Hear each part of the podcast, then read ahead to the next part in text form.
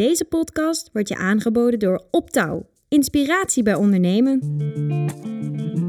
Yes, daar zijn we weer. We zijn eh, door de pandemie een beetje eh, afwezig geweest. Maar we willen het wel graag weer oppakken, de podcast. Omdat we het leuk vinden om ook samen met iemand in één ruimte te kunnen zitten. En eh, we gaan er weer met frisse moed tegenaan. En we hebben vandaag de gast Erik Brink. Goedemorgen. Goedemorgen. Hij is medeoprichter van Weer Online en tegenwoordig actief als algemeen directeur van E2 Energie. Wat is E2 Energie, Erik? Vertel eens.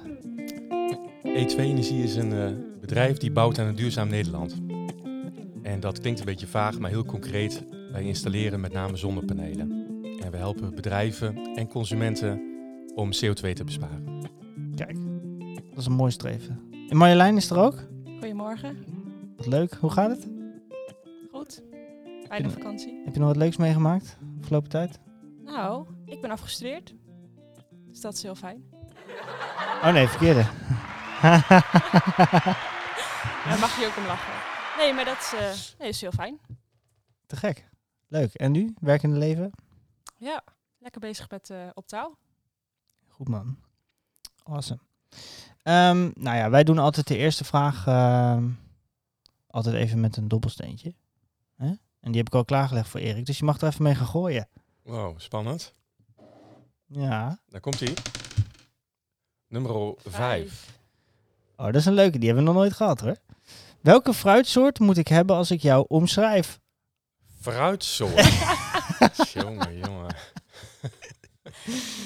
Ja, dat is even nadenken op de Oh. vroege Een hele persoonlijke vraag. Nou, we maken er aardbei van. Nou, dan mag je dat ook even uitleggen. Want ik ben best wel een beetje soft. Ja? Ben jij soft?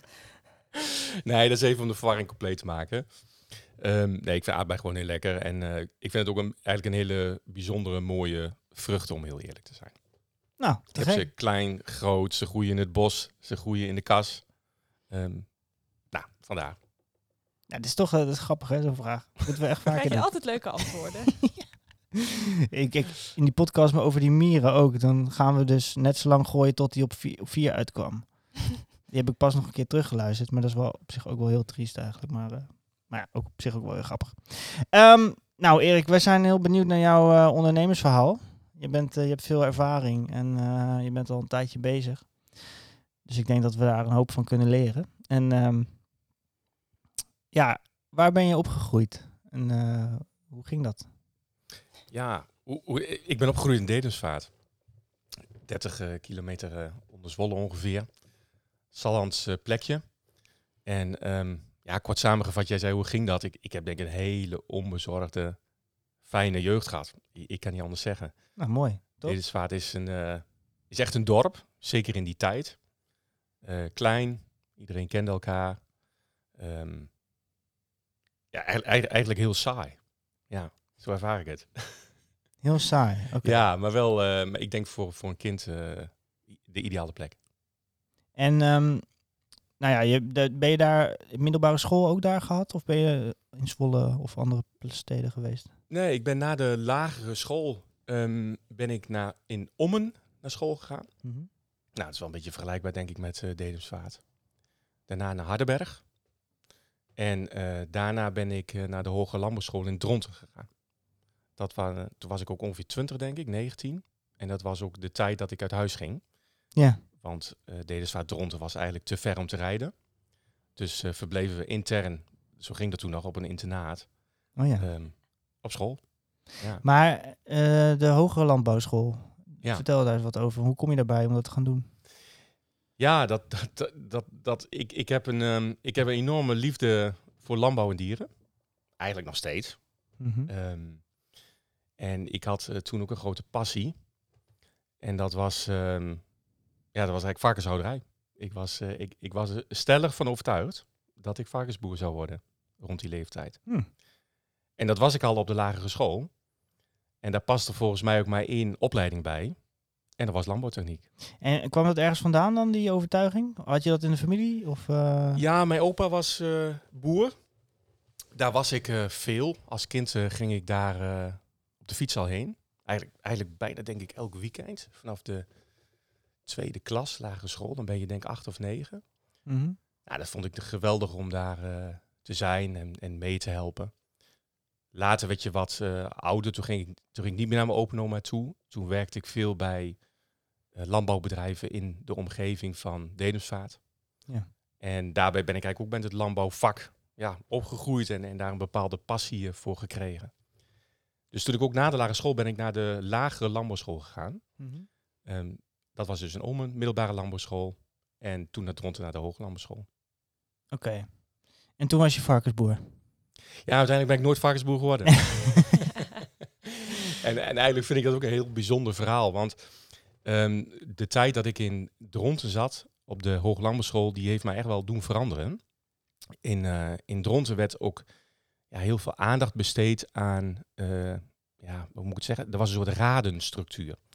Dat betekent dat studenten werden heel actief betrokken bij het onderwijssysteem, eh, zaken rondom huisvesting, studentenraad, onderwijsraad, boekenraad, eh, alle, alles wat je verzinnen kunt, daar was een soort raad van. En ehm, ik was daar, ehm, of ik ben daar voorzitter van de, van de studentenraad geworden. Dus dat- dan, dan vertegenwoordig je de studenten richting school en richting de schooldirectie. Ja. En eigenlijk wat ik toen geleerd heb, is dat omgaan met een mens veel leuker is dan omgaan met een dier. Ah, kijk, dat is wel even inderdaad een goede... Ja, en dat heeft mij veranderd. En Ja.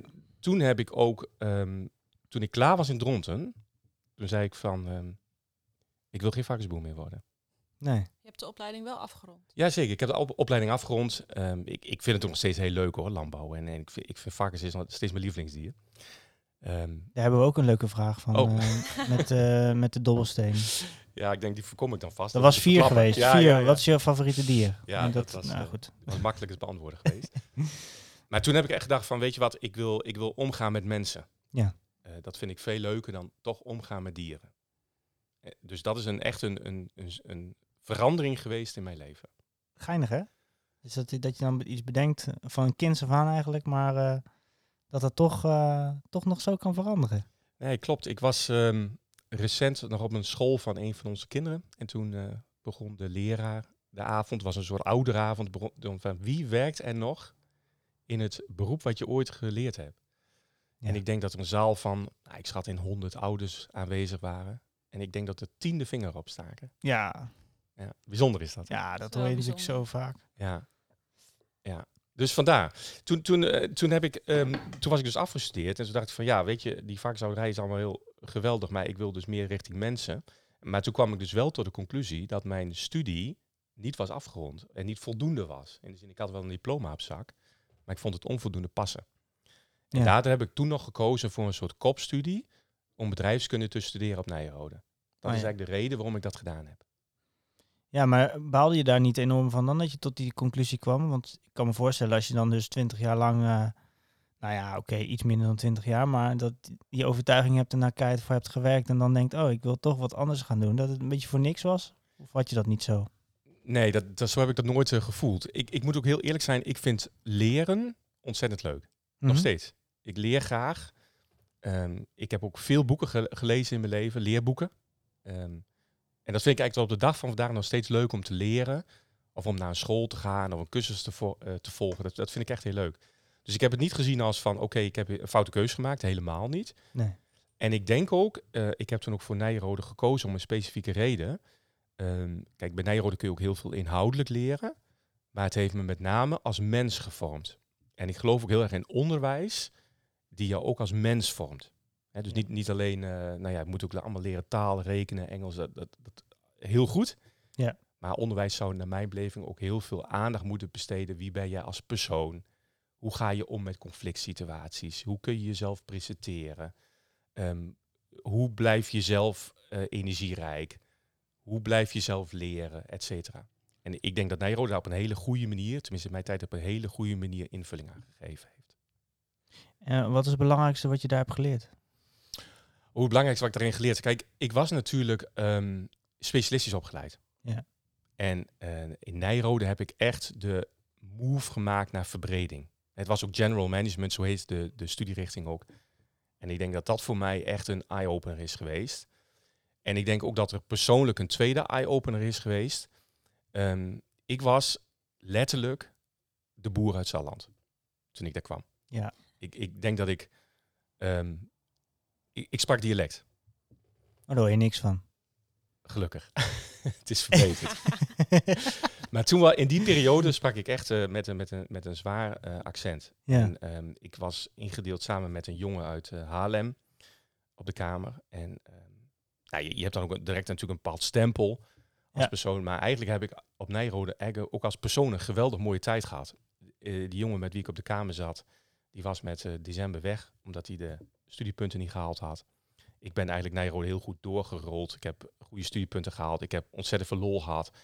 Ik heb eh, relaties voor het leven opgebouwd. Ehm, en dat heeft mij ook als mens doen beseffen dat ik, er gewoon, dat ik het gewoon kan. Dat ik er mag zijn. En dat ik ook met mijn accent of andere ge- gebreken of beperkingen, ehm, dat ik het gewoon kan. En, en dat heeft me ook wel geleerd. Maar was je ook echt onzeker dan eh, dat je, toen- toen je daar kwam? Of had je zoiets van, nou, ik, ik, ik heb er zin in en eh, ik ga ervoor? Ja, dat laatste. Ik Ja. was niet onzeker, Nee, ehm, maar het is wel een bevestiging. ja, precies. En die heb je ook nodig. Ja, ja, zeker. Dus, ehm, ja, du- dus wat dat gaat, was, was het denk ik ook een hele mooie combi. Om, om een heel gespecialiseerd landbouwtechniek te studeren. Gecombineerd met een general management studie op Nijrode. Ik, ik kan niet anders dan iedereen het aanraden. Nou, top. Ja. goede reclame ook, gelijk. Ja, niet, niet, Ik denk dat we maar eens even nieuwe sponsors moeten aanschrijven voor deze podcast. Wat denk jij? Ja, ik, denk, ik, ik bedoel daarmee niet te zeggen eh, de, de studierichtingen of scholen. eh, maar ik kan je alleen maar aanmoedigen om... eh, maak gewoon wat extreme keuzes. Kies gewoon voor een vak. is helemaal niet erg. Je zit er niet aan vast. Nee. Maar wees ook niet bang om iets anders te kiezen. Nou, top. Dat is eigenlijk meer wat ik ermee bedoel. Mooie les, mooie les. hey, en, ehm, ehm, en toen? Want Ja. hoe lang duurde die opleiding? Ja, eh, Nijrode heeft anderhalf jaar geduurd. Het was een soort kopstudie. Ja? Ehm, dat paste mij natuurlijk ook goed, omdat ik al... eh, nou ja, op een, gegeven moment, op een gegeven moment wil je ook werken. Hè? Dan heb je ook de leeftijd dat je denkt, ja, ik ga niet meer eh, vier of vijf jaar nog naar school. Nee. Dus uh, Nijrode duurde anderhalf jaar. Ehm, eigenlijk kwam ik toen op de arbeidsmarkt ook in een bijzondere tijd, hè, waarin banen zeker niet veel oprapen lagen. Ehm, toch ging dat natuurlijk met een diploma van Nijrode in de zakken erg goed. En ik ben toen begonnen als eh, productmanager op de marketingafdeling van Heurst. Dat was een baan in eh, Brussel, in België. En ik was daar verantwoordelijk voor een aantal diergeneesmiddelen. Om die in de markt te zetten. Mhm. Dus om alle marketing, reclame, ehm, nou ja, voor, voor die medicijnen te regelen. Ja. Dus dat was mijn eerste job in Brussel. Dus dat was ook een bijzondere ervaring eigenlijk, ja. Ja, en, en ehm, naar België, dat lijkt me ook wel een eh, stap. Ja, dat was het ook. Kijk, ehm, de afstand België, nou ja, Dedesvaart is niet veranderd inmiddels, maar toen, toen was dat heel ver, hè? Ja, zeker. praat ik over 25 jaar geleden. Was echt wel, wel een hele grote stap. Dus we reden gewoon in de auto zonder mobieltje, was het toen allemaal niet. Reed je gewoon naar Brussel toe, ehm, Ja. zonder navigatie. En dan hoopte je dat het allemaal goed kwam. En dat kwam ook allemaal goed. Tuurlijk. Dus we zijn daarheen gegaan, ehm s- sollicitatie gedaan. Eh, ik ben daar gaan wonen. In, eh, in Antwerpen hebben we een kamer gehuurd. Ehm, en na ongeveer, denk ik, een half jaar eh, ben ik ook getrouwd. Eh, is Astrid daar ook heen verhuisd. Hebben we een huis gehuurd in de buurt van Mechelen, iets dichter bij Brussel. En daar hebben we een jaar eh, samen gewoond. Een jaar? Ja. Oké. Ja, toen kriebelde het wel, moet ik eerlijk in zijn. Ik had eigenlijk een ontzettend leuke job. Ik kijk er nog wel eens, ehm, ik kijk er nog met genoeg op terug. Ja. Ik kijk er met genoeg op terug. Eh, maar je merkt wel dat je qua familie, afstand, cultuur, dat we zeiden van, "Hmm, we willen toch wel graag terug. Ja. En ehm, ja, dus toen ben ik ook benaderd, juist in die periode door een headhunter. Hm. Ehm, ja, en daar vallen wat, wat ja, dingen, puzzelstukjes op hun plek, om het maar zo te zeggen. En dat, toen hebben we dus na anderhalf jaar de beslissing genomen, hey, we gaan, eh, we gaan terug naar Nederland. Eh, we zoeken, of ik had toen een baan in Nederland gevonden, we gaan terug naar Nederland, we gaan daar ook weer wonen. En we bouwen daar verder samen een toekomst op. Ja, en wat voor baan had je toen gevonden in Nederland? Ja, toen was ik eh, projectleider bij DLV Adviesgroep. Dat is een adviesbedrijf die ehm, ja, advies geeft in de groene ruimte. Eh, boeren, tuinders, eh, alles daaromheen. En mijn opdracht was toen om een samenwerking op te zetten tussen DLV Adviesgroep enerzijds als adviesbedrijf en BLGG, dat was een, een onderzoeksbureau voor bodemkundig onderzoek. Om te kijken van in hoeverre zouden die partijen kunnen samenwerken. En, en ik denk dat er wel een soort verlangen was om te fuseren. Ja. Maar goed, die opdracht is mislukt. Ze zijn niet gefuseerd en eh, na een half jaar is de stekker eruit getrokken. Oh oh. Dus ehm, En toen was jij je baan ook kwijt. toen was ik mijn baan niet kwijt. Oh. nee, toen kon ik daar gewoon verder als projectleider. En toen heb ik ehm, een, ja, met name nieuw business projecten voor hun opgezet. Dat was ook in de tijd dat internet uitgevonden werd, of uitgevonden, uitgerold werd. Dus mijn eerste opdracht daarna was van wat zou DLV als adviesbedrijf op internet kunnen doen? Ja. Nou, de- dat heeft geresulteerd in een heel concrete website. En eh, met een plan daarachter om online advies te geven. Ja. En ehm, een andere opdracht was om te kijken van kunnen wij met ehm, DLV Meteo heette dat toen. Dat was een, eigenlijk een soort meteorologisch adviesbedrijf. Eh, dat bestond toen al. Daar werkten drie, vier man. Zouden we daar wat commercieel ehm, actiever mee kunnen worden? Het, het was Ja. letterlijk een bedrijfje dat zat op de zolder van het kantoor. Er werkten drie meteorologen. Elke dag druk met weersverwachtingen maken. En dan op maandag, ehm, woensdag en vrijdag verstuurden ze 's ochtends om acht uur een fax. Naar boerentuinen. ja. Fantastisch. En dat was het product. Een fax. Ja, Dat het nog kan. hè. ja. dus ehm, nou ja, er werd ook gevraagd van, joh, eh, hè, we, we, we, we kun- we kunnen daar onvoldoende geld aan verdienen. Ehm, zijn daar niet ruimte voor mogelijkheden? En er was al contact gelegd toen met Wetter Online. Ehm, dus ook internet deed daar ook een extra intrede in die weermarkt. Van, zou, zou je daar kunnen helpen om misschien meer te verkopen, nieuwe producten te ontwikkelen, et cetera? Ja. Dus dat was mijn next eh, job. Maar dat is bij eigenlijk best wel ondernemend al. Ja, dat was eigenlijk misschien ook wel het begin van ondernemerschap. Want ehm, ik ben toen best wel een beetje verliefd geworden op het weer Mhm. in die periode. Het was eigenlijk een hele mooie club mensen ook. Eigenlijk ook een heel mooi product. Weerinformatie. Hè, de, hoe je van echt data, en dan bedoel ik echt atmosferische data, een weersverwachting maakt. Ja. Dat is best wel fascinerend eigenlijk. En ehm, ik heb toen ook ehm, eh, Gerrit Hiemstra leren kennen. Hij, hij werkte toen bij DLV Meteo, was daar eigenlijk directeur van. En eh, ik denk dat het al vrij snel ging hoor. Na een half jaar ehm hadden wij zoiets van... hey, misschien moeten we gewoon dit zelf gaan doen. Met DLV Meteo. Ja. En eh, Gerrit had ooit eens een slimme afspraak gemaakt met de directie van DLV. Ehm, als je het wilt verkopen of stoppen, dan heb ik de eerste koop. Ja. Nou, en toen de dir- directie die zei ook van ja, het is klein en eh, we verdienen er niet zoveel geld mee. En ehm, internet was toch niet de core business van een adviesbedrijf. Dat vonden ze ook heel spannend. Hè, weet je, dan eh, online een grote website. Ja. Ehm, was in die tijd, je verdiende er geen euro mee, hè? Dus je, je had wel een Nee. website met veel bezoek, maar ja, die vonden dat ook heel ingewikkeld. Ze heeft, nou, we willen eigenlijk wel, ehm, we willen dat bedrijf wel afstoten. Nou, toen, toen stak Gerrit dus natuurlijk zijn vinger op van, hé, hey, dan, eh, dan heb ik het recht van eerste koop. En toen hebben we dat samen gekocht. Allebei voor 50% van de aandelen. Ja. En dat was in eh, 2001. Dus dat is nu 20 jaar, eh 20 jaar geleden. Ja, precies. En toen was je voor het eerst eh, officieel ondernemer. Ja, toen was ik voor het eerst officieel ondernemer. Ja, Ingeschreven bij de Kamer van ja Koophandel. toen, begon het, eh, Ja. toen begon het avontuur inderdaad. Ja, en, eh, ja ook, nou ja, goed, het is ook een hele, hele bijzondere periode natuurlijk. En ook een, een bijzonder avontuur, want het was echt in de tijd dat, dat internet dus eh, upcoming was. En wij runden toen een WS-site. Dat was eigenlijk een soort kopie of een mirror van Wetter Online. Die hadden we vertaald. Dus Ja. Wetter, Wetter On- Online, dat heette weer online in Nederland. Originele naam. Ja, ja het was een hele goede naam. Heel creatief inderdaad. hè? Ja, ja, ja, wel een hele goede naam, zeker. ja, absoluut. Dat, absolu- dat is precies wat het is natuurlijk. Absoluut. Absoluut. En ehm, wij hadden dus een weersverwachting. Ik denk dat we voor ongeveer 10 à 15.000 plaatsen wereldwijd een weersverwachting hadden voor zeven dagen vooruit.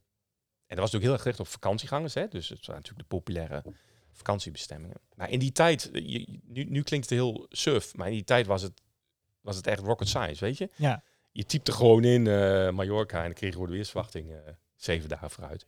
en dat is wel echt eh, tof. Ja, dat was, dat was uniek. Want ehm, in die tijd, als je, de, als je een weersverwachting wou hebben voor Rotterdam, ik noem maar wat, dan belde je een 0900 nummer, was het volgens mij. En dan betaalde je gulden per minuut of zo. Hè. Oh ja. En dan mocht je luisteren naar een bandje die Serieus? ingesproken... Ja, ja, dat was in die tijd. Oh, wat goed. Dus toen wij daar begonnen, ik weet nog op een goede dag werd ik gebeld door de directeur van, van Meteo Consult. Ja, die was niet blij. Die zei, jongen, jij, jij, jij brengt echt de hele markt om zeep. Ja. Ja. wij draaien 7 miljoen gulden omzet op die weerlijn. Maar bij jou kun je het gratis vinden. Ja. Ja, zei, ja, ja dat, dat is nou eenmaal zo. Ja, maar dan moet je mee stoppen. Ik zei, daar gaan we niet mee stoppen. Nee. Dus dat, is wel- nou, dat, dat was die tijd was dat. Hoe ging dat verder dan? Nou, wij zijn natuurlijk met, eh met Weer Online enorm gegroeid. Ja. Eh, veruit de grootste weersite van Nederland eh, toen geworden. Weerlijnen bestaan niet meer, hè? Ik denk dat Nee. Michel amper wisten dat het zo ging. Faxen die we hadden voor boeren bestaan ook niet meer. Nee. Ehm, dat is natuurlijk allemaal gedigitaliseerd. Eh, en Weer Online is echt uitgegroeid tot een van de grotere weersites. Hè. Het aantal plekken is uitgebreid, nieuwe website, eh et cetera. Ja. Maar goed, ik, ik vertel het nu als een succesverhaal. Dat was het ook. Maar Ja. ik wil ook echt vertellen, wij hebben, ik denk totdat ik het verkocht heb, hebben we daar amper omzet mee gedraaid. Hè? Ja. Want dat was natuurlijk ook de tijd van internet. Heel veel page views, hè, noemden we dat toen, heel veel kijkers, Ja. maar 0 euro. Maar waar zat hem dat in dan? Kon je daar geen eh, geschikt verdienmodelletje op eh, bedenken? Of eh, hoe, hoe zit dat? Nou, het verdienmodel was gebaseerd op, op de verkoop van advertenties. Mhm. Ehm, maar wij waren daar niet goed toe in staat. En dat betekent, volgens mij was de markt was ook nog niet heel groot daarvoor. Dus het, het was Mhm. ook beperkt. Hè? Adverteerders vonden internet ook heel spannend. Die Ja. waren gewend om eh, de oplagen van de kranten mee te nemen in hun eh hè, promotieplannen. gids? Ja. En niet, eh en niet internet. Nee. Dus dat was, dat was ingewikkeld in die tijd. En ik denk ook wel dat wij als bedrijf ehm, ja, ook niet heel goed daarin waren. En dan bedoel ik in de verkoop van advertenties. Nee. Want wij waren natuurlijk nog steeds een weerbedrijf. We hadden nog steeds meteorologen in dienst. Die zaten weersverwachtingen te maken. Ja. En advertentieverkoop is natuurlijk een hele andere tak van sport. ja. Dus wij, wij zijn daar financieel gezien niet heel succesvol in geweest hoor. Nee. Nee. Maar wel, wel een heel mooi platform neergezet. Eh, en het heeft ons ook, en dat hebben wij toen gedaan om toch geld te verdienen. Want je moet natuurlijk geld verdienen, anders kun je geen mensen betalen. Nee. Wij hebben eigenlijk heel veel diensten rondom de website ontwikkeld. Dus wij leverden weer informatie aan kranten die ons daarvoor betaalden. TV-stations die ons betaalden. Oh, wij deden veel gladheidsbestrijding. Ja. Ehm, Wij leefden nog steeds aan boer en tuinder. Per fax of later in andere vormen met abonnementen. Dus daar was ons verdienmodel meer op gebaseerd. Ja. Later is natuurlijk advertising helemaal ehm, normaal geworden. En je ziet ook dat weer online daar nu eigenlijk op eh, draait. En met name ook door Google en de Google Ads ehm, is het verdienmodel voor advertenties echt veel beter geworden. Ja, en het is nu ook veel normaler. Ja, klopt. Het is gewoon... eh, Ja. Dat, ja, dat is gewoon standaard. Klopt. Ja, wel gaaf hoor. Ja, dus dat is, dat is, het, dat is het weer online avontuur, avontuur geweest. Maar je met hebt dat verkocht, blijkbaar. Ja, we hebben het uiteindelijk eh, verkocht. Ja. Klopt, we hebben het, eh, nou, het is nu tien jaar geleden. Iets meer eigenlijk al dat het verkocht is. Ehm, Had je er geen zin meer in? Of was je er klaar mee? nee, nee, ehm, eh, nee, nee, dat, dat speelde niet. Maar er speelden wel andere dingen. Ehm, e- een van de dingen is eigenlijk ook al wat ik verteld heb. Van wij waren niet goed in staat om advertenties te verkopen. En dat zagen we zelf ook wel. Ja. En dat is ook niet zo makkelijk om dat te veranderen. Hè, dit, dit heeft ook heel erg te maken met de cultuur binnen je bedrijf, met de genen van je bedrijf. Dus daar, daar zochten we echt wel naar een oplossing. Van hoe Ja. kunnen wij... Eigenlijk zijn we helemaal geen meteorologisch bedrijf meer. We zijn gewoon een uitgever. Mhm. En hoe maken we die switch? Nou, daarnaast ehm, ehm, waren we ook bezig met van hoe kunnen we ehm, internationaal groeien. En daar is ook geld voor nodig. En de derde reden was ook dat eigenlijk klopte de, de kopende partij gewoon letterlijk op de deur. Hè, of op het raam. Van, hé, hey, ik ben eh, die en die. Ik, ik wil heel graag jullie bedrijf kopen. Ja. Dus dat, dat heeft ook meegespeeld. Hè. Het is ook deels gedreven geweest vanuit dat er gewoon een goede kopende partij was. Ja. Ja dan, ga je er, eerlijk in. dan ga je er ook over nadenken misschien. Dan ga je erover nadenken, dan komt dat proces in werking. En uiteindelijk heb ik echt, ehm, echt vanuit mijn, mijn hart wel gekozen dat ik dacht van het is het beste voor het bedrijf om het nu te verkopen. Dat, dat is echt de achterliggende eh, reden geweest. Er is meer perspectief voor weer online bij de nieuwe eigenaar dan dat wij dat op dat moment konden bieden. En die waren wel eh, gespecialiseerd in vercommercialiseren, zeg maar. Dus adverteren en, en dat soort dingen? Of, eh? Ja, dat klopt. Het is verkocht aan Web Assets van eh, destijds van ondernemer Bas Rasker. Eh, en Web Assets had al een aantal ehm, internetbedrijven in haar portfolio. Die was met name ook heel sterk in, in de reisbranche. En daar zat ook de eerste win door de reizen van Web Assets, Zoever, vakantiereiswijzer, om die toe te voegen aan, Oh ja. aan weer online. Dus we, hadden, we, hadden, we haalden eigenlijk al een grote adverteerder binnen. Ja. Hè? Dus, dus dat was de eerste winst. En daarnaast was ook door de combinatie van de Web Assets website, was het ook, waren we ook in staat om een echt een sales afdeling op te richten, in te richten, die advertenties ging verkopen. Ja. En daar kon weer online ook in meegenomen worden. En daarnaast ook wel op het gebied van techniek hoor, want een website eh, runnen, ontwikkelen en hosten, zeker in die tijd, hè, praat ik over tien jaar terug, is best wel een uitdaging hoor. Ja. Want ik denk dat wij nog steeds de situatie hadden tien jaar geleden, als het hard regende, zoals wat nu in Limburg gebeurd is, dan lag onze website plat. Ja, dan ging je gewoon offline. Ja. Omdat je dat, dat bezoek en die traffic, dat, ko- dat, dat, in die tijd was dat heel ingewikkeld. En niet alleen onze website hoor, dat ging ook voor het KNMI en voor buienraden, alles ging plat. ja, capaciteit was natuurlijk niet zo groot. Nee, de capaciteit was gewoon niet zo groot. Nee. Nee, ja, en dat waren ook wel uitdagingen waarvan we zeiden, die kunnen we beter met web, web assets aangaan, dan dat we dat zelf helemaal gaan doen. Maar als je het zo vertelt, dan klinkt het bijna ook alsof je er nog bleef werken. Klopt dat? Nou, ik heb er nog, eh, daarna nog ongeveer anderhalf jaar gewerkt. Oh ja. Ehm, we hadden een afspraak gemaakt dat ik minimaal één jaar zou blijven werken. Ook voor een goede overdracht. Ja. En ik heb er uiteindelijk anderhalf jaar eh, gewerkt. En ehm, ook, ook dat is een hele bijzondere ervaring. Hè? Als je ooit nog eens een keer een bedrijf verkoopt. Ehm, ik, ik moet je eerlijk zeggen, dat is me enorm zwaar gevallen. Ja? Ja. Weer Online was echt mijn kindje. Ja. En die verkoop je. En daar was een goede zakelijke reden voor. Rationeel gezien denk ik de, een, correcte beslissing. Ja. Maar emotioneel moet je dan afscheid nemen. Na anderhalf jaar. Want nadat het verkocht is, nou, ik zeg wat, alles verandert. Ja. En als je dan vraagt, ja, wat is dat dan? Dan is dat in essentie dat de cultuur van een bedrijf verandert. Er Ja. komt een andere ondernemer die andere waarden en normen heeft. En dat, dat is bijzonder om mee te maken hoe dat in een organisatie uitpakt. Ja, ik En- denk dat heel veel mensen die, dat, die het verkopen ook eh, er juist niet blijven werken. Tenminste, want die, die willen dat niet zien. Dat klopt. Dus dat, dat maakt het ook bijzonder, dat je er dus Ja. nog een anderhalf jaar bent geweest. Dat je dat allemaal Ja. meegekregen hebt. Ja, maar het laatste half jaar was heel moeilijk hoor. Daar ben ik echt heel eerlijk in. En ik was ook ontzettend blij dat ik wegging. En het, het kon ook echt niet langer. Ik moest ook weg. Mhm. En, ehm, en, en- maar wat je ook ziet, ik, ik ben weggegaan. Maar eigenlijk is het hele, het hele MT is weggegaan.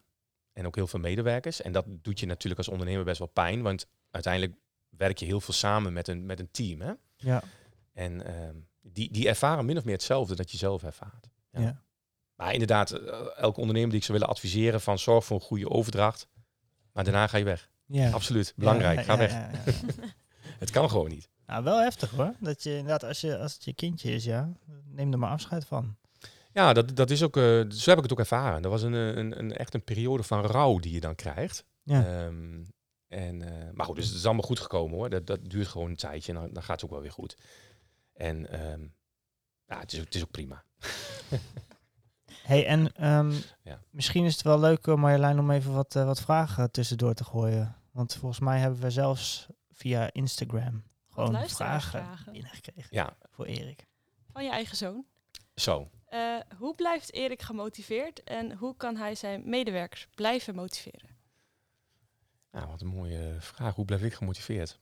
Ehm, nou, ik denk dat het, dat het allerbelangrijkste is dat je plezier in je werk hebt. En ik kan oprecht zeggen, ik heb ongelooflijk veel plezier in mijn werk. Elke ochtend sta ik vol energie en met plezier op. En heb ik zin om naar mijn collega's te gaan, heb ik zin om naar Duiven te rijden, heb ik zin om naar E2 Energie te gaan. Ehm, Hoe komt dat? ik vind het gewoon onwijs leuk. Ja, ik vind het, ik vind het leuk om ehm, met mensen om te gaan, dat heb ik al verteld. Mhm. Ik, ehm, ik, he- ik hecht ook echt aan mijn mensen. Ik, ik vind ze waardevol. Ik vind het eh, fijn om met ze samen te werken. Dus dat, dat motiveert me. Maar ik heb ook geleerd van, ehm, je moet werken aan een hoger doel. Ehm, en wij, en daar ben ik echt van overtuigd, wij bouwen aan een duurzaam Nederland. Hè? Dat, dat heb ik ook bij de introductie gezegd. En dat is Ja. ook wat mij motiveert. Elke dag stap ik uit bed en denk ik van, oké, elk zonnepaneeltje wat het dak op gaat, draagt bij aan een meer duurzaam Nederland. En elk zonnepaneeltje, als je het uitrekent, het is minder dan een druppel op een gloeiende plaat. Ja. Het stelt helemaal niks voor in de energiewereld. En toch, elk druppeltje helpt. En dat motiveert me. En dat motiveert me elke dag opnieuw. Dus ik zou ook iedereen willen uitdagen, kies iets, kies een werk, doe een opleiding waar, wat, je, wat je echt leuk vindt en waar je bijdraagt aan iets waar je aan bij wil dragen. En dan maakt wat dat is, dat maakt eigenlijk helemaal niet zoveel uit. Er zijn heel veel mooie dingen in het leven. Maar dus vooral dat hogere doel. Eigenlijk, dat is dan waar Ja. je... Ja. Het hogere doel, ehm, omgaan met mensen. En ik denk dat er ook wel een derde factor is. Dat zal ook iedereen denk ervaren. Je, je moet een bepaalde vorm van, eh, van groei of succes realiseren. Mijn ervaring is als je doelen realiseert, als je groeit als, be- als persoon of groeit in omzet, of het maakt niet zoveel uit, als het nou hard of soft is. eh, als je doelen haalt, dan, dan blijf je ook gemotiveerd. Dus je, je moet groeien. De lat moet elke dag iets hoger. Mhm. Mensen vinden dat mooi. Ja. Ik vind het ook mooi. Mensen vinden dat ook mooi. Daar word je gemotiveerd van. Ga door. Op het moment dat de dag komt dat je zegt, nou laat me zitten, weet je. Ik wil iets minder doen of zo. Ja, dan iets minder omzet of zo. Ik denk dat, dat, Nee. dat 80% van het personeel naar, binnen, naar buiten rent. En ik ook. Ja. ja, precies. En dan, dan een beetje balans zoeken dat je ook weer niet al te veel druk erop legt natuurlijk. Want Klopt. Dat is ook weer een dingetje. Ja. Klopt. Ja, nou, volgens mij vroeg Joel ook, hè, van hoe hou je je personeel gemotiveerd? Ja. Ja. Daar zit, in mijn antwoord zit natuurlijk ook het antwoord voor andere mensen. Hè? Dus, ehm, en voor mij de uitdaging van hoe mag ik mijn collega's, mijn medewerkers, ehm, dat voorhouden. Je werkt aan het Duurzaam Nederland. We zijn succesvol en we doen het ook nog op een leuke manier. En ehm, nou, misschien kunnen we zo nog even doorpraten. Ik noem het een beetje uitdagen. Je moet mensen een beetje uitdagen. Dus elke dag probeer ik iets de lat iets verder te leggen. Mhm. Maar ik kan me wel voorstellen dat die motivatie die jij hebt, dat hogere doel, dat je medewerkers dat niet hebben. Dat dat niet hun eerste doel is om, om te werken, zeg maar. Klopt. Je hebt gelijk, denk ik. Maar misschien ook niet. we proberen wel echt heel concreet mensen te werven en te selecteren die, die dat toch belangrijk vinden. En misschien iets minder belangrijk. Dat is ook niet erg. Mhm. Er zijn veel meer dingen in het leven hè, die ook heel belangrijk zijn. Dus dat is ook helemaal niet erg. Mensen die in dienst zijn, kiezen daar ook voor. Dus die hoeven ook niet diezelfde passie en energieniveau te hebben dan ik dat misschien heb voor dat doel. Maar ik denk wel dat het belangrijk is dat medewerkers ook hebben. In een bepaalde mate. Want anders is mijn ervaring, dan kun je het toch niet goed volhouden op het werk. Dan zijn er toch andere drijfveren die uiteindelijk belangrijker worden. En dan gaan mensen ergens anders werken of andere passies nastreven. Dus ik denk dat een groot gedeelte van ons personeel, misschien wel iedereen, heeft toch wel diezelfde passie. Om te bouwen aan het duurzaam Nederland, om een bijdrage te leveren aan CO2-reductie. Ja, en dat je dan, dan, dan zet je misschien ook wel net een stapje meer als medewerker. Ja. Want anders dan eh, wordt moet je. Klopt. Dat wil je niet. Klopt. En iedereen zal dat anders beleven. En mijn ervaring is ook, je zit ook gedurende je leven heb je ook andere ervaringen. Soms, soms zijn er periodes dat je voor je zieke ouders moet zorgen. Ja. Dan, dan heeft dat absoluut prioriteit. Soms ben je, ben je zelf een periode ziek. Dan heeft dat een veel hogere prioriteit. Maar dat neemt niet weg dat je, je moet ook een beetje op lange termijn kijken, vind ik. Dat die intrinsieke motivatie, die moet er wel echt zijn bij mensen. Anders is samenwerken voor de lange termijn best wel lastig. Heb je nog meer vragen? Eh, ik heb nog wel een leuke vraag. Ehm, wat zou voor jou een reden kunnen zijn om in loondienst te gaan? Ik weet niet als, het, ehm, als ik ooit weer in loondienst zou kunnen. Toen ik weer online verkocht, toen heb ik, ehm, heb ik serieus een aantal sollicitatieprocedures eh, gehad. Ehm, en dit was altijd een belangrijk gespreksonderwerp. Hè? Van kun jij nog wel weer in loondienst? Ja. Maar goed, je vraagt dan zo, wat zou een reden kunnen zijn? Ik, ik denk dat er één groot nadeel is van ondernemen zijn. Tenminste, zo ervaar ik het. En dat zou voor mij reden kunnen zijn om te zijn. Ehm, zeker in de start-up van een bedrijf, je moet alles zelf doen. Mhm. Je maakt zelf je wc schoon. Je maakt je eigen prullenbak leeg. Je onderhandelt met de bank over een financiering. Je moet op klantbezoek. Je moet het soms zelf realiseren. En dat, dat vind ik ongelooflijk. Die beginperiode van een bedrijf, dat is topsport. Dat is ongelooflijk zwaar. En dan, zou dan vind ik het wel eens voordeel dat je zegt, ik kan instappen in een rijdende trein en mijn, mijn taken en verantwoordelijkheden zijn beperkt tot dat onderdeel. Ja. Dan kun je meer specialist worden. Dat zou een reden kunnen zijn.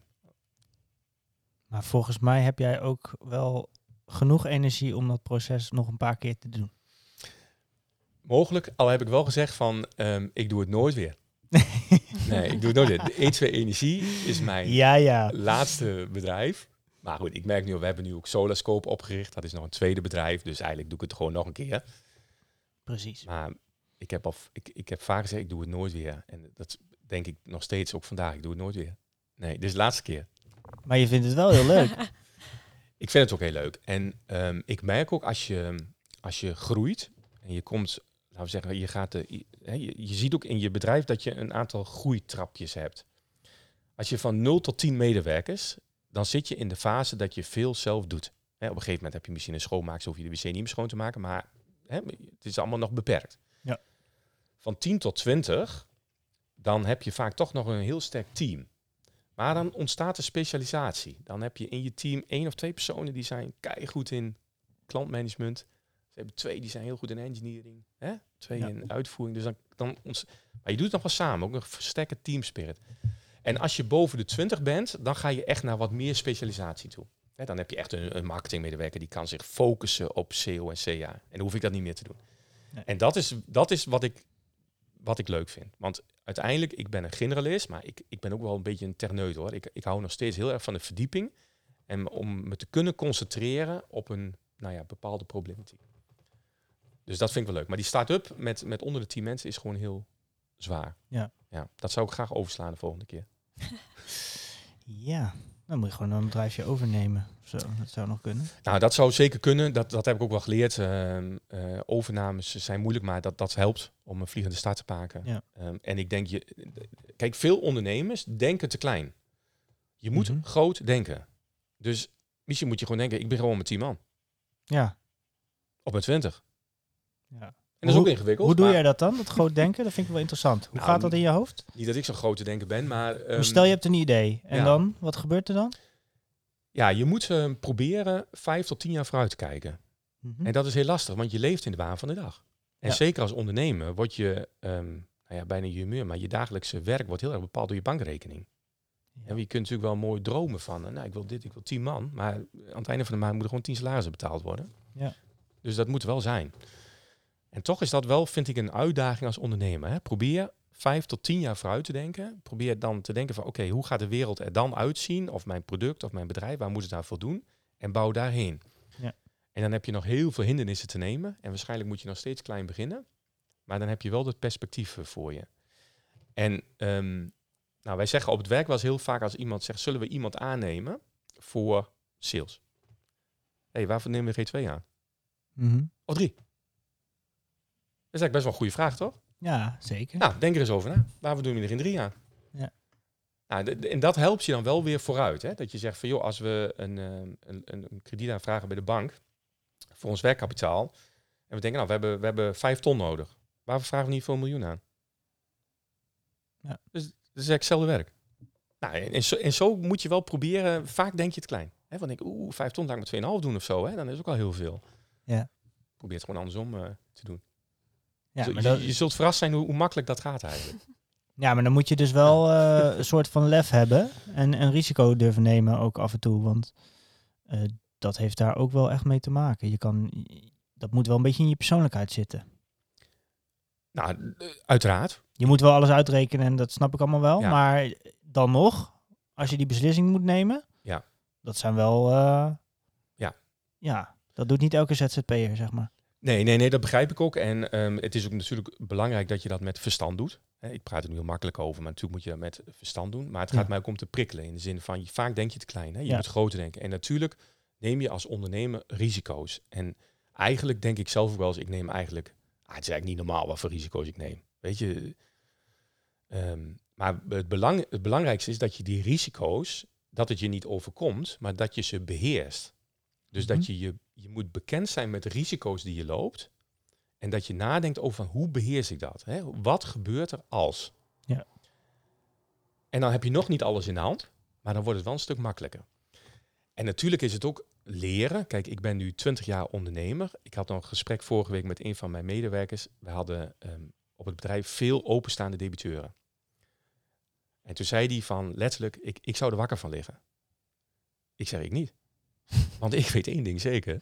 Dat geld komt op ons af. Ja. Ja, dat is natuurlijk gewoon even een, een, ook een oefening die je hebt gehad als ondernemer. Ja, ja. Zijn openstaande debiteuren een zorgpunt of, of is het juist een feestje? Nou, ik ervaar het als een feestje. Terwijl iemand anders kan denken van, oh shit, eh, hè, ik, ik krijg eh, nog heel veel geld van Piet en wanneer komt dat? Nou, ik denk, oh, dat komt vanzelf. ja. Vroeg of laat gaat hij betalen. Het zal moeten inderdaad. Ja, Dat is wel zo. en dat kan natuurlijk best wel vandaag even lastig zijn, omdat je zelf ook dingen moet betalen. Maar nou ja, dat is ook een beetje ervaring, denk ik, die, die je inmiddels opgedaan hebt. Ja. Een bepaalde rust gevonden, dat je nou, hè, dat komt wel goed. Het kan even duren, Een soort van loslaten. loslaten, Ja. komt wel goed. Gun de ander ook even de tijd om te betalen. En dan, dan, dan, zijn alle, of alle, dan is dat ook weer opgelost. Ja. Komt vanzelf naar je toe. Nou, dat, dat zijn dingen, denk ik, die je door ervaring, nou ja, ook leert. Dat had ik ook niet hoor, toen ik, eh, toen ik 26 of 28 was, toen ik ondernemer eh, was en begon. Heb je nog meer vragen, Marjolein? Nou, welke daar misschien wel een beetje op aansluit, want je hebt het over die, ehm, over die rust. Eh, ik denk dat je dat niet alleen maar leert door positieve ervaringen, maar juist ook wel door, door negatieve ervaringen. En iemand die zegt hier, ik hoor dat je altijd vol met ideeën zit, zijn er ook wel eens ideeën geflopt? Ja. Ik, ik denk dat we echt een tweede of een derde podcast nodig hebben om alle fouten die ik heb gemaakt, om daar nog eens van te leren. Dat zou wel leuk zijn. Kunnen Ja. we doen? Ja, deel 2. Gewoon Ja. een, eh, ja. ja dan, dan, dan hoop ik dat ik dat minder enthousiast vertel. To be Nee. continued. ja. Ja. Nee, er zijn. ehm, ehm, er is echt een boek te schrijven over de ideeën die zijn geflopt, de fouten die ik heb gemaakt, ehm, de foute beslissingen die je hebt genomen. Dat, is, dat is absoluut waar en daar leer je van. Ehm, Kan je er eens eentje uitlichten die je nu gewoon te binnen schiet of je denkt, hé, hey, Ja, dit is misschien ook een beetje een leuke verzinnen natuurlijk. hè. Ja. ja, gewoon Ik- even... Laat ik een leuke doen, omdat misschien niemand die verwacht. Wij hebben met Weer Online een strategische blunder gemaakt. En daardoor is Buienradar ontstaan. Wij waren met Weer Online de grootste weersite van Nederland. En ehm, je kon toen sat- eh, radarbeelden, hè, de, de buienradar zoals je die nu kent, inkopen bij het KNMI. En volgens mij kostte die 40.000 euro. Ja, Per? dat, dat, per jaar. per jaar, oké. Aan licentiegeld. Ja. Ja, dat, dat vonden wij, eh, dat, daar bedoel ik hè, met het groot denken, dat vonden wij ongelooflijk veel geld. Dat, dat kun je niet zomaar inkopen en dan op internet zetten en niks verdienen. Nee. Dus wat hadden wij bedacht? Wij kopen die beelden in en dan eh, maken we een, een toegangspoortje, een abonnement. Waren toen ook wat technieken voor, hè? Moet je ook weer een nummertje bellen en dan kreeg je vijf minuten toegang tot een website of zo. Hè? Oh ja. Ja, ja, ja. ja. In die tijd was dat. Dus dat hadden wij bedacht. Gebouwd, eh, geld aan uitgegeven. En we hadden, we hadden inmiddels al duizenden abonnees of zo. Die betaalden dan 40 euro per jaar. En, eh, en mensen belden dan in met dagkaartjes en zo. En toen kwam Buienradar. En die zette het gewoon open, bloot. Ja. Op internet. Ja. Al onze abonnementen werden pardoes opgezegd. Ja, En terecht natuurlijk. ja, logisch. Dus ons hele verdienmodel om zeep. En Buienradar is daarmee de grootste weersite van Nederland geworden. Ja, En hebben echt, die 40.000 euro was natuurlijk een lachertje. maar zij konden wel advertenties verkopen dan. Zij konden later wel advertenties verkopen, eh, he- hebben een groot bereik gehad. Nou, dat, is- dat is een voorbeeld dat- waarin je dus eigenlijk als ondernemer, je maakt een keus. Ja. En in dit geval was het nog niet eens een, een keuze. Misschien had je dat verwacht, een voorbeeldje van, oh, we hebben iets uitgegeven en dat is mislukt. We hebben iets niet gedaan. We hebben niet de goede keuze gemaakt. We zijn te zuinig geweest. We hebben een verkeerde visie gehad op de toekomst. Ja. En dan steekt iemand anders je voorbij. En die wordt, eh, en die wordt nummer één. Ja. Nou, en zo zijn er natuurlijk ook heel veel voorbeelden te noemen van investeringen die gebeurd zijn waar, waar geen rendement op is gekomen, die we moesten stoppen. Maar goed, dat is dan misschien voor een andere podcast eh, om daarvan te leren. Dus nee, ik hoop niet dat ik een beeld neerzet ehm, dat, dat alles wat ik doe lukt. Sterker nog, het meeste lukt niet. Nee. Hè? En mijn leerpunt is ook, het gaat ook niet meer om het idee. Ik zeg wel eens heel zwart-wit, ideeën zijn waardeloos of hebben voor mij geen waarde. Het gaat om de uitvoering. Ja. Heb je een goede uitvoering, dan is het waardevol. En, en ideeën, als je ideeën wilt, ik heb er honderden voor je. Maar ja, als je ze niet uitvoert, dan heb je er dan niks aan. Ja. Dus de uitvoering moet goed zijn. En als je dan al die ideeën hebt, hè, ehm, en je bent natuurlijk ontzettend druk met gewoon je werk. eh, ja, hier hebben we dan een vraag staan. Hoe verdeel jij je, jouw tijd? Hoe, hoe doe je dat? Tussen? Tussen werk en werk. Ja, werk en werk. Want als jij zoveel ideeën hebt, dan zit je hoofd constant vol. Ja. ja, ik denk dat dat ook wel een, ehm, ehm, ook wel een, een, een, een, eh, een worsteling voor mij is. Ehm, ik denk dat ik van, van nature echt, ik, ik zou vroeger volgens mij als kind echt als ADHD ge- gediagnosticeerd zijn. Daar, daar ben ik van overtuigd. Ehm, ik heb daar nu wel eens wat aandacht aan gegeven en nu zei ook laatst een psycholoog tegen me, ach joh, maak je niet zo druk, zo ben je gewoon. Nou ja, ik denk, ja, hij heeft ook eigenlijk gelijk. Nou, dan is dat ook weer gepasseerd station. Dus in mijn hoofd is, gaat altijd iets om. En ehm, ik heb veel energie. En dat resulteert wel dat ik eigenlijk altijd iets doe. Dus ik, ehm, en dat resulteert dus ook dat ik heel veel werk. Ik werk gewoon structureel al eh 20 of 30 jaar, eh 60 à 65 uur in de week. En dat gaat maar door. En inmiddels heb ik, eh, word ik bijna 50, dat ik best wel denk van, "Hmm, ik word ook wel eens moe. Hè. Dat- maar dat is pas voor het eerst dat ik dat ervaar eigenlijk de afgelopen jaren. Mhm. Ehm, toch hoop ik wel dat, ehm, dat mijn omgeving zal zeggen van oké, eh, er wordt veel gewerkt, maar er is, ook er is best wel aandacht voor mijn gezin en voor de mensen die me lief zijn. Ehm, en ik heb geleerd dat, dat eh, iemand aandacht geven zit hem ook niet altijd in de hoeveelheid. Het zit hem ook in de wijze waarop je dat doet. En eh, misschien een mooi voorbeeld, en dan betrek ik dat even op mijn eigen personeel. Wij zijn dan met E2 Energie ook sterk gegroeid. In het begin ken je iedereen. Je weet ook wat er thuis speelt bij mensen, wat er in het hoofdje speelt bij mensen. En op een gegeven moment moet je dat loslaten, want dan gaat dat niet meer. Ik kan niet meer iedereen heel goed kennen. Nee. Ehm, ik kan niet meer, als ik tien minuten per persoon per dag praat, is mijn werkdag voorbij zonder dat ik iets gedaan heb. Ja. En dan heb ik nog maar tien minuten aandacht besteed aan iemand. Dus ik moet het anders doen. En inmiddels probeer ik echt te onthouden en naar te vragen wat iemand echt raakt. Dus je kunt iemand bij de koffieautomaat vragen van, hey, hoe is het met je? Of wat vind je van het weer? Maar je kunt ook vragen van, hey, hoe is het met je zieke moeder? En dan heb je binnen één minuut heb je wel de binding die nodig is. En dan ben je ook binnen twee minuten klaar. En op die manier hoop ik ook met vrienden, familie, met Astrid, mijn vrouw en met mijn kinderen om te gaan. Hè? Dat ik zeg van, ik ben misschien niet de papa die ehm, de hele zaterdag met ze loopt te vissen, te voetballen, et cetera, want ik werk veel. Maar ik probeer wel momenten te vinden om de echte binding en connectie te maken met ze. Interessant. Ja, interessante theorie. Ja, en ehm, dat is jouw keuze, denk ik. Mhm. Ehm, hoe wordt dat ontvangen in jouw gezin? Hebben ze daar inspraak in of, of is dit gewoon ja, hoe jij bent en dat hebben ze te accepteren? Nou, ik denk dat, dat inmiddels is het een beetje het laatste. In de zin van het is zoals het is. Hè? Dus zo gaat het al 25 jaar. En, eh, en ik denk dat, dat ze niet anders weten en ook niet willen inmiddels. Dus het is goed zo. Ehm, dat wil niet zeggen dat, ehm, dat het altijd makkelijk is geweest. Zeker in het begin van ons trouwen kan ik me ook herinneren dat, dat het ook heel lastig is. Hè? Je bent natuurlijk pas getrouwd. Wij zijn toen verhuisd naar België. En volgens mij was drie dagen na ons huwelijk hadden wij een beurs eh, in Nederland. En toen was ik s'nachts om drie uur thuis. En mobieltjes hadden we niet, dus Astrid wist totaal niet waar ik zat. Nou ja, Ja, die was, die was lichtelijk paniek. Weet je, die, hey, wat krijgen we nou? Ehm, langzaam is, dat wel, ehm, is daar wel een balans in ontstaan. Ik denk wel dat ehm, wat ik doe, en dan bedoel ik mijn werk, mijn inzet daarvoor en ook de andere dingen die ik doe, kan ik alleen omdat ik een stabiele thuisbasis heb. Ik kom thuis en het eten is klaar. Hè? Een beetje zwart-wit gezegd, maar... Dus ik kan dat alleen maar doen omdat, omdat mijn gezin meewerkt. An- anders kan het niet. mhm. Als je een onstabiele gezinssituatie hebt, of je moet ook thuis eh, zorgen voor kinderen of voor een vrouw of, of voor je ouders, dan, dan kan ik natuurlijk nooit de fysieke prestatie leveren die ik nu doe. Dus wat ik doe, is ook met dank aan mijn gezin. En dat, dat zullen ze denk ik ook ehm, wel zo ervaren inmiddels. Hè. Dat, ze, dat ze ook wel weten van oké, we hebben voordelen als gezin dat papa werkt en dit doet. Ehm, we hebben daar nadelen van en we, we zijn er ook onderdeel van. Oké. Hey, en ik wil eigenlijk nog heel even terug naar, eh, want we zijn, ehm, ik, ik ga even een- weer een switch maken. We zijn eigenlijk eh, eh, ge- gebleven bij eh, dat je weer online verkocht hebt. Ehm, hoe, hoe ben je dan bij E2? Hoe is dat ontstaan? Want dat, is ook, dat vind ik dan ook wel even interessant om te weten. Zit daar nog een leuk verhaal aan? Of is dat, eh, ja, hoe, hoe is dat gegaan? Nou, je, ik je was aan het solliciteren, zei je in ieder geval. Ja, ik was toen natuurlijk, ehm, ik heb weer online verkocht. Ik heb er nog anderhalf jaar gewerkt. En toen heb ik eigenlijk één jaar genomen om, eh, om iets nieuws te ontdekken.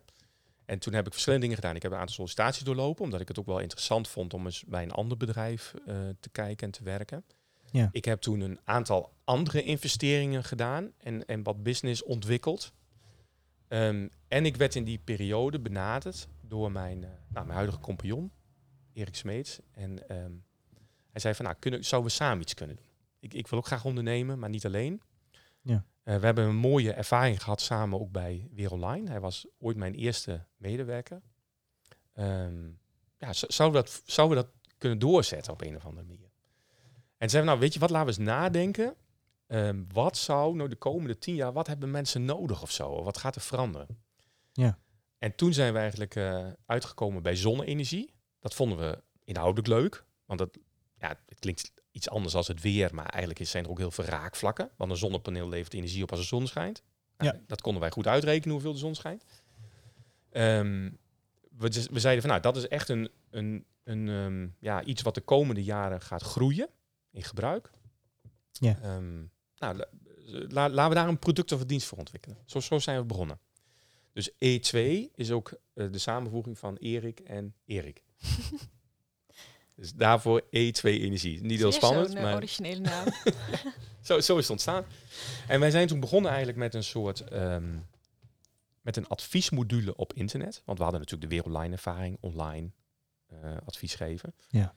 Je kon toen eh, op internet je adres invoeren, hoeveel energie verbruik ik, eh, et cetera, et cetera. En dan druk je op enter en dan kreeg je in de mail een mooi adviesrapport. Nou, u heeft zoveel zonnepanelen nodig, dit past op uw dak, dit kost het en zo verdient u het terug. Dat, dat was onze eerste, Hm. eh, onze eerste productdienst idee wat we in de markt samen hebben gezet. Ja. Nou, dat, dat, dat ehm, geholpen ook door wat subsidie van de overheid liep dat eigenlijk best wel goed. We hadden veel aanvragen, maar ook wij konden moeilijk geld verdienen, want ja, een consument betaalt ook niet zo makkelijk voor een advies. Dat is ook best wel ingewikkeld. Dus hebben we gezegd, nee, we moeten ook gaan zonnepanelen gaan installeren. Dat we het ook aanbieden. Daar. Dus niet alleen het advies geven, maar dat we zeggen, nou, druk op het volgende knopje. Maak een afspraak. Maak een afspraak, installeer. Nou, dat was dus de next step. Dus zijn we gaan installeren. En dat, dat hebben we eigenlijk de komende afgelopen tien jaar helemaal uitgebouwd. Hè? Dus een service- en onderhoudpakket erbij, installatieservice. Ehm, we doen het nu hoofdzakelijk grootzakelijk. Hè? Dus, dus we, we bouwen grote installaties met E2-energie. Ehm, maar dat komt allemaal nog voort uit, uit, uit die gedachte. Ja. Ik denk zelf ook dat het idee E2-energie is niet rocket science. En dat onderstreept weer mijn theorie van het idee is niet zo belangrijk. Het gaat om een goede uitvoering. Hey, en ehm, hoe kijk jij naar de toekomst? Want je zegt je moet tien jaar vooruit kijken. Ik neem aan dat je dat dan nu ook doet. Ja. Hoe zie jij het, oh, ja, wat, eh, hoe zie jij het bedrijf voor je over tien jaar? Of jezelf, mag ook wel. Dat is ook wel een leuke vraag, denk ik.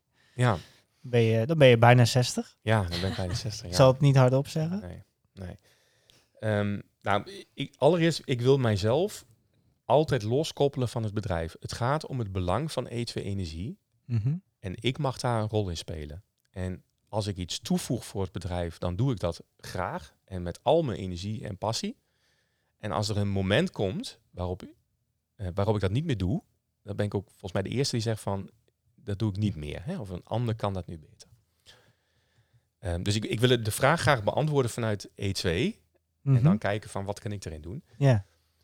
Als ik naar de toekomst kijk, dan denk ik echt dat we nog maar staan aan het begin van de klimaatcrisis die eraan komt. Ehm, en ik denk dat nog heel veel mensen niet, of zich niet goed realiseren wat er op ons afkomt. Je ziet het eigenlijk nu in Limburg, maar ik wil niet zeggen dat er helemaal klimaatverandering is. Maar ik denk dat de kern van de klimaatverandering is niet dat de aarde twee graden opwarmt of drie. Dat is gemiddeld.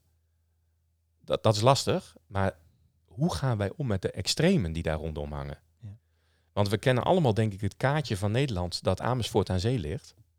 Maar op dit moment hebben we wateroverlast in Limburg. En dat is de grilligheid die klimaatverandering met zich meebrengt. Ja. Nou, wij zullen, denk ik als wereld hoor, zullen wij enorm veel aanpassingen moeten doen om CO2-reductie te voorkomen. En daar wil ik met, met E2-energie aan werken. En in een breder verband dan alleen zonnepanelen plaatsen. Dus we hebben nu ook een, een soort productverbreding. Dat is onze eerste fase van expansie. Dat we zeggen van hoe kunnen we meer van het gas af? Ehm, hoe kunnen we slimmer auto's opladen? Hoe kunnen we slimmer je netaansluiting benutten? En ook met name de bekabeling in de grond. Want iedereen weet natuurlijk dat de netcapaciteit is veel te klein in Nederland om al onze plannen waar te maken. Ja. Dus dat, dat is stap 1. En daar willen wij graag aan bouwen. En voor mij is ehm, ehm, nou, gro- groei is heel belangrijk. Dat heb ik al gezegd. Je moet, el- of je moet, hè, je wilt elke dag groeien om het aantrekkelijk te houden. Ja. En toch is het ook weer niet zo dat we hebben een flinke doel, groeidoelstelling, dat groei het een soort einddoel is of zo. Dan, dan heb ik ook, we zien wel waar we uitkomen. Dus ik, ik wil graag vooruit. Ik wil, ik wil een, bredere portfolio aanbieden. Ik wil een, een grotere klimaatimpact maken door meer CO2-reductie. En daar hoort ook een groter bedrijf bij, meer personeel, meer omzet. Al, alles hoort erbij. En, Ja. en toch klinkt het een beetje tegenstrijdig. Het is geen doel op zich. Het is denk ik gewoon een, een resultaat van wat er gebeuren gaat. Ehm, dus ik denk dat we als Nederland nog hele grote stappen moeten zetten. En dat we nog maar aan het begin staan van wat we tot nu toe gedaan hebben. Er zullen nog veel meer windmolens komen, meer zonnepanelen. We gaan elektrisch rijden. We gaan minder energie verbruiken. Ik denk dat zich mensen dat ook echt moeten realiseren. Minder energie verbruiken. Ehm, en slimmer daarmee omgaan. Mooi. Klinkt goed. Dat je, daar, eh, dat je daarmee bezig wil. Want het probleem is er al, natuurlijk. Dat weet iedereen. Maar er moet wel wat aan gebeuren. Ja, de- ik denk dat iedereen zich er wel van bewust is. Er is ook veel aandacht voor eh, klimaatverandering en eh, CO2-reductie. En, en Ja. dat is natuurlijk in ons voordeel. Hè, daar liften wij ook mee. En, ehm, en voor de rest is het ook belangrijk ik denk als, dat wij als bedrijf wendbaar blijven. Hè. We, wij, zijn ook niet het bedrijf waarin de plannen voor de tien jaar helemaal vast liggen. Je ziet een bepaalde trend. Natuurlijk moeten wij ook twee, drie jaar echt wel goed vooruitkijken. Maar probeer dan ook wendbaar te zijn en mee te bewegen met de markt. Mee te bewegen met de maatschappij. Om daar een goede positie in te vinden. Hey, en ik dacht, misschien is het wel leuk om even af te sluiten, eh, want we zijn alweer lekker eh, bijna een uur op weg, eh, met wat tips en tricks. Ehm, ik had namelijk nog wel een vraagje, van, want je, je, je geeft natuurlijk leiding aan een flink groot bedrijf. Eh, we zijn er al wel een klein beetje op gekomen dat je zegt van, eh, geef iedereen de aandacht, eh, alleen dan in kwaliteit in plaats van kwantiteit. Maar heb je nog meer tips hoe je, hoe je het beste om kan gaan met je medewerkers? Eh, tips. Dat is een Ehm, vrij brede vraag, Ja, dat het is snap een hele ik. brede vraag. Maar misschien heb je dingen uit de praktijk waarvan je zegt, nou, als dit Ja. gebeurt, kun je het beste dit doen. Of nou, Ja. concreet. Ja. Nou, ik, ik denk dat een tip misschien voor iedereen kan zijn. Als je nou leiding geeft eh, binnen je bedrijf of binnen je gezin. Hè? Maakt niet uit of binnen een club of vereniging. Ik denk dat je een goede combinatie moet vinden tussen, ehm, tussen voor iemand zorgen en iemand uitdagen. Hè, het, is, ehm, het is care to dare, om het in het Engels te zeggen. Dus wat je allereerst, dat is heel belangrijk, dat je, dat je, dat je een een, eh, een, een klimaat ontwikkelt waarin er onderling vertrouwen is. Waarin er zekerheid is. En dat, dat is natuurlijk eerst, allereerst in de persoonlijke sfeer, maar dat heeft ook te maken met zijn er goede arbeidsvoorwaarden. Is iemand zeker van zijn baan? Ja. Hoe word je beoordeeld? Is er transparantie? Mag je fouten maken? Word je daarop afgerekend? Hè? Dat, is, dat zit allemaal in dat vertrouwenssfeer. Ja. Dat is nummer één. Want als dat er niet is, kun je niet uitdagen. En, dan, en als dat er is, dan ga je naar de tweede fase. En dan ga je iemand uitdagen. Hè? Dat je zegt, jij, jij kunt dat. Jij kunt, jij kunt een, een next step nemen. Jij kunt wel die PV-installatie engineeren. Jij kunt wel naar die klant toe, want daar ben je goed genoeg voor. En in die verhouding, als je die verhouding goed met elkaar balanceert, dan ben je denk ik als, team, als persoon en vervolgens als team in staat om hele grote uitdagingen met elkaar aan te gaan. En als het eerste dus ontbreekt, dus iemand voelt zich niet veilig hè, in een team, dan gaat hij, gaat hij nooit een extra stap zetten. Nee. En daar zit wat in. En ik vergelijk het ook wel eens um, een bedrijf met, met een school. Hè? Dat is ook een beetje mijn, mijn stokpaardje. Hè? Dus vroeger zaten we op de basisschool. En dan hadden we de school en, en daaromheen stond een hek. En dat was schoolplein. Hè? Ja. En dan had je altijd van die jongens die kropen over het hek heen. Mhm. Die, die wouden meer zien van de wereld hè, dan alleen die, die speeltoestellen op school. En wat je veel ziet ook bij bedrijven, dat is altijd de strijd tussen de school en het hek. Dus hoeveel van mijn medewerkers willen over het hek heen? En ik heb geleerd, je kunt een hoog hek bouwen. En je kunt het hek misschien met prikkeldraad doen of zo. Hè? En heel veel bedrijven doen dat. Die hebben regels, procedures, voorwaarden. Mhm. Eerst dit, dan dat. Hè? Die bouwen aan het hek. Maar wat je moet doen, je moet bouwen aan de school. En daarmee bedoel ik, je moet bouwen aan de, aan de doelstellingen van je bedrijf. En als jij, um, als jij duidelijke doelstellingen hebt en je bouwt echt aan visie en aan passie, dan zitten mensen in de school. En klimmen ze niet over het hek. En um, heel concreet voorbeeld, je zijn bedrijf waar je nog geen pen mag kopen. Hè? Ja. Maar waar gaat het over? Ja, nergens. Het gaat nergens over. Ik daag mensen uit van, joh, neem een stap, neem een risico, geef ze wat geld uit, maar draag het bij de doelstelling en dan gaan we het daarover hebben.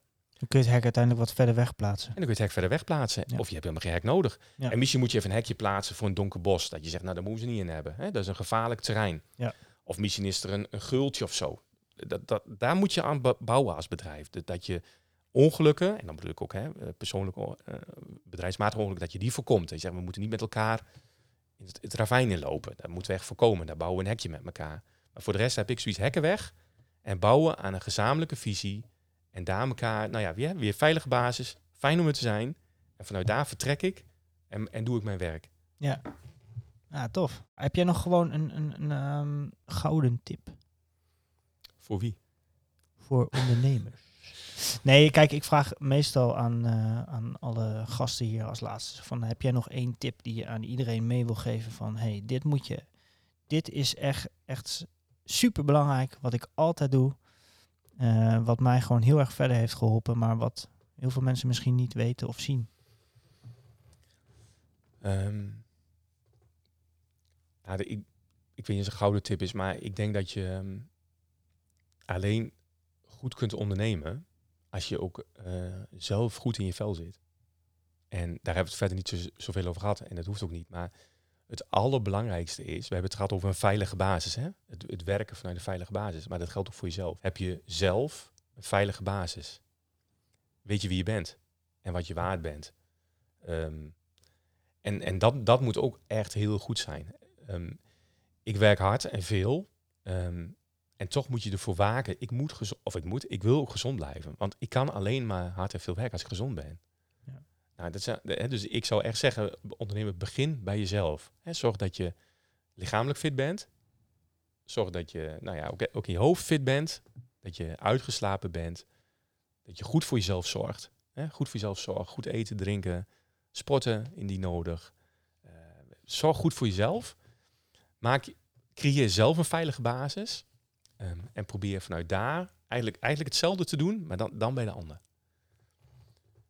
En ik denk dat je dan een, een, een ehm, nou ja, dat, dat, dat je dan verrast zult zijn van wat je kunt bereiken. Mooi. Ja. Goed antwoord. Toch? Ja, Oké, met deze wijze, wijze woorden van Erik eh, sluiten wij de podcast af. Ik vond het echt eh, te gek dat je langs wilde komen. En inderdaad moeten we misschien maar eens een, eh, een, een vervolg nog plannen voor alle, alle gekkigheid die we nog niet besproken hebben. Volgens mij is, er nog wel veel meer uit te halen ook. Maar we willen hem ook niet veel langer dan een uur laten duren. Want dan, hè? mensen hebben ook nog meer te doen dan, dan naar deze podcast luisteren. En de volgende gast die wij hebben is Carlijn Hartlief. Eh, zij is een heel ander type ondernemer dan, eh, dan Erik. Eh, zij is gewoon ja, een ZZP'er. Ze werkt in een eentje. Ehm, en Erik, misschien is het wel leuk dat jij haar even een vraag stelt die wij volgende week mee kunnen nemen. Ja, ik heb enorm veel respect voor ZZP'ers. En de vraag die ik heb voor Carlijn is van... ehm, hoe blijf jij als ZZP'er gemotiveerd? Omdat je in essentie natuurlijk alleen werkt. Dat vind ik ongelooflijk knap en ik ben benieuwd naar het geheim daarachter. Dat gaan wij volgende week eh, horen van Carlijn. Ehm, als jij al een vraag hebt voor haar, ehm, stuur dat via een DM op Instagram, optouw. Of een mailtje naar info.optouw.nl. En dan gaan wij die vraag zeker behandelen in de volgende podcast. Ehm, je kan ons dus volgen inderdaad op Instagram. Tot de volgende podcast.